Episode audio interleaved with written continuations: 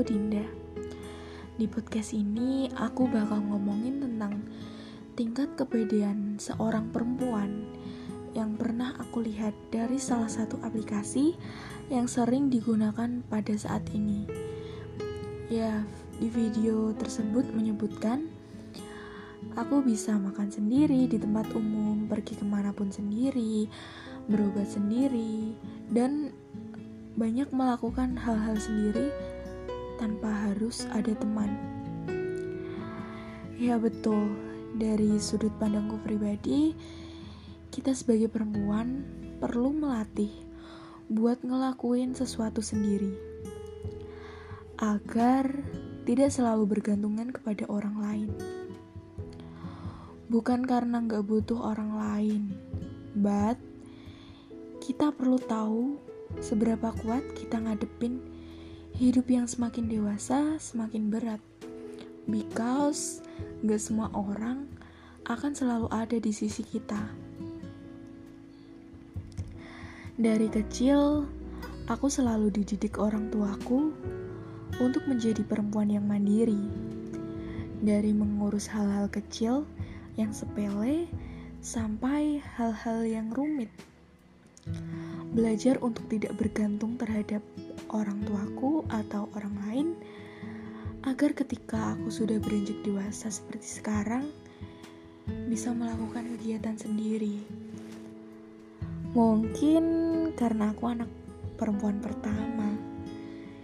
Jadi aku dididik untuk menjadi perempuan yang kuat dan mandiri yang bisa melakukan hal-hal sendiri seperti basic lah ya.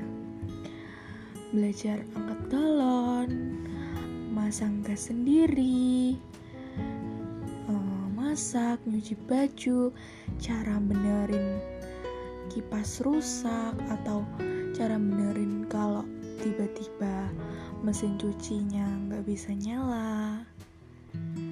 Terus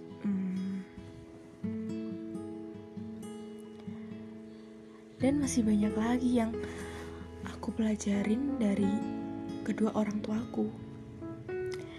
Dan buat kamu perempuan di luar sana yang malu untuk mm, melakukan aktivitas sendiri kayak pergi sendiri, takut untuk mencoba hal-hal baru.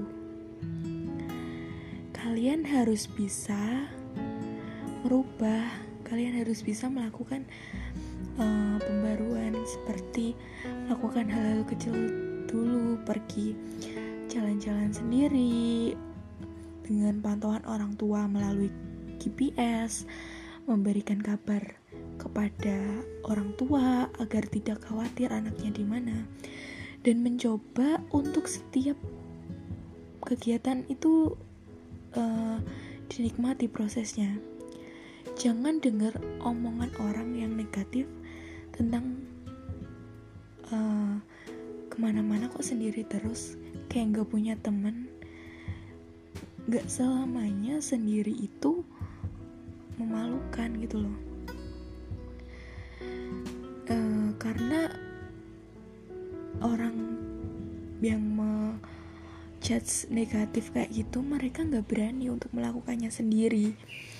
Mereka nggak mau mencoba karena mereka takut gitu jadi untuk sekarang semakin dewasanya kamu dan aku menyikapi orang omongan orang yang negatif, jangan dimasukin hati. Saat kita berproses, banyak rintangan yang bakal kita lalui.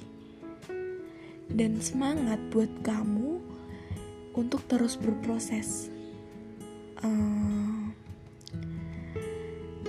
uh, belajar hal-hal baru, kembangin apa yang kamu mau jangan dengerin omongan orang yang negatif.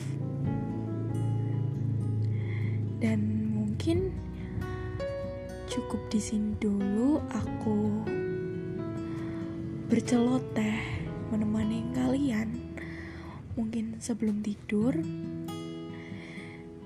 Dan nanti malam. Dan Terima kasih sudah mendengarkan podcast hari ini. Sampai bertemu di audio selanjutnya, dan selamat malam. See you.